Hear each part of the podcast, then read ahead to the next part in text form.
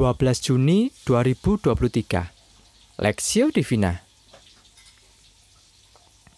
Daniel pasal 10 ayat 1 sampai 21 Pada tahun ketiga pemerintahan Kores, raja orang Persia, suatu firman dinyatakan kepada Daniel yang diberi nama Belsasar. Firman itu benar dan mengenai kesusahan yang besar. Maka dicamkannya lah firman itu dan diperi, dan diperhatikannya lah penglihatan itu. Pada waktu itu, aku, Daniel, berkabung tiga minggu penuh. Makanan yang sedap tidak kumakan, daging dan anggur tidak masuk ke dalam mulutku, dan aku tidak berurap sampai berlalu tiga minggu penuh. Pada hari ke-24 bulan pertama, ketika aku ada di tepi sungai besar, yakni sungai Tigris, kuangkat mukaku, lalu kulihat tampak seorang yang berpakaian kain lenan dan berikat pinggang emas dari ufas. Tubuhnya seperti permata tarksis dan wajahnya seperti cahaya kilat.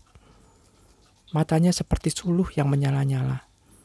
Lengan dan kakinya seperti kilau tembaga yang digilap, dan suara ucapannya seperti gaduh orang banyak.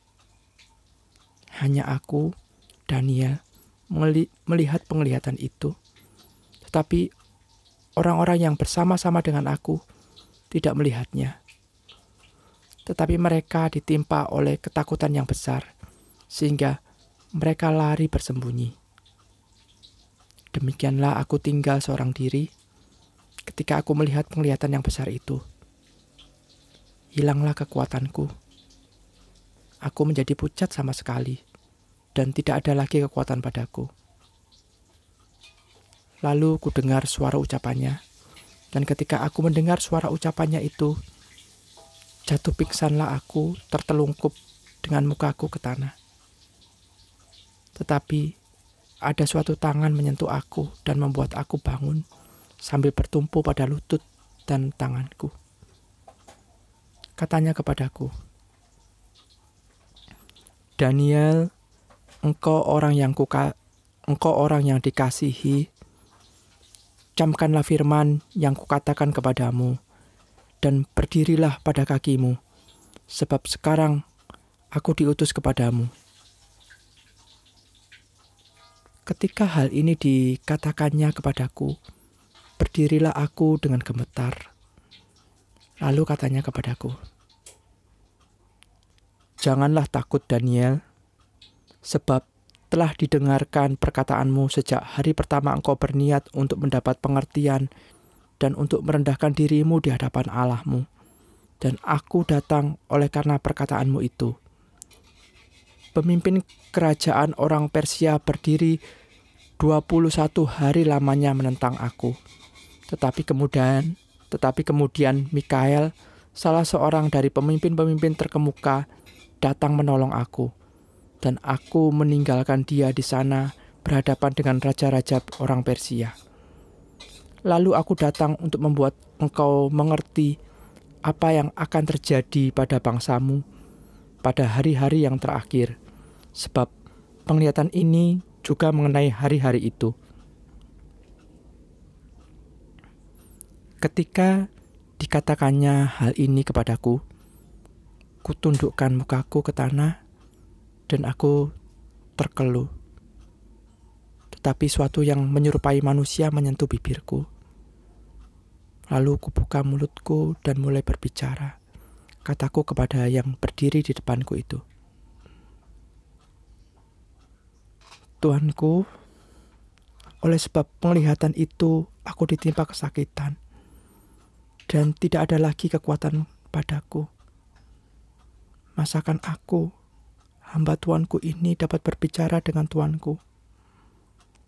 Bukankah tidak ada lagi kekuatan padaku dan tidak ada lagi nafas padaku? Lalu dia yang rupanya seperti manusia itu menyentuh aku pula dan memberikan aku kekuatan dan berkata, Hai engkau yang dikasihi, Janganlah takut. sejahtera, sejahteralah engkau, jadilah kuat. Ya, jadilah kuat. Sementara ia berbicara dengan aku, aku merasa kuat lagi dan berkata, Berbicaralah kiranya Tuanku, sebab Engkau telah memberikan aku kekuatan. Lalu katanya, Tahukah engkau mengapa aku datang kepadamu? Sebentar lagi aku kembali untuk berperang dengan pemimpin orang Persia. Dan sesudah aku selesai dengan dia, maka pemimpin orang Yunani akan datang. Namun demikian, aku akan memberitahukan kepadamu apa yang tercantum dalam kitab kebenaran. Tidak ada satupun yang berdiri di pihakku dengan tetap hati, dengan tetap hati melawan mereka, kecuali Mikael, pemimpin itu. penglihatan surgawi perspektif. Lalu kedeng lalu ku dengar suara ucapannya dan ketika aku mendengar suara ucapannya itu jatuh pingsanlah aku tertelungkup dengan mukaku ke tanah. Tetapi ada suatu tangan menyentuh aku dan membuat aku bangun sambil bertumpu pada lutut dan tanganku. Pasal 10 ayat 9 sampai 10. Perenungan pada hari ini bisa saja membuat kita merasa sulit untuk memahami akan tetapi penulis berusaha semaksimal mungkin untuk dapat menjelaskan secara sederhana sehingga mudah dipahami. Pada ayat pertama, kita dapat memahami secara bersama-sama bahwa apa yang Allah nyatakan kepada diri Daniel, semuanya benar dan terjadi.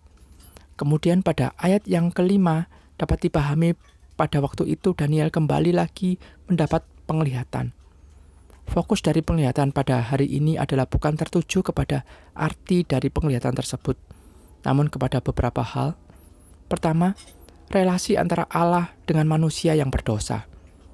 Beberapa orang Kristen acap kali mendefinisikan bahwa Allah adalah perjanjian lama sangatlah kejam.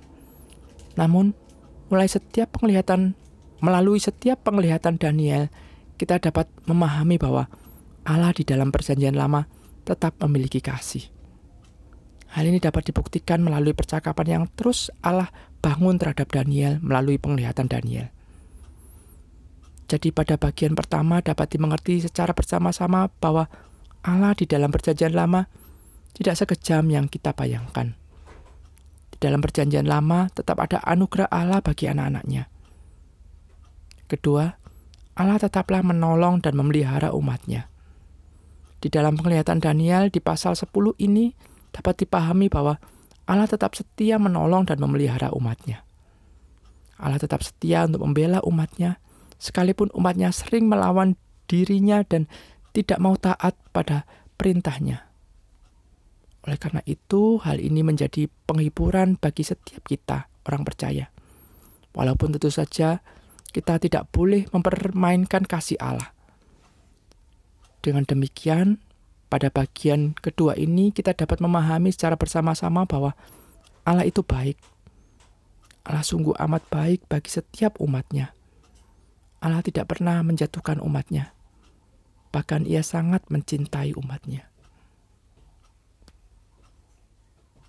Studi pribadi, apakah pada saat ini kita sudah bersyukur kepada Tuhan atas kasih dan kebaikannya? Pokok doa, berdoalah dan mengucap syukurlah kepada Allah atas kebaikan dan kasihnya yang tidak pernah pudar bagi setiap anaknya.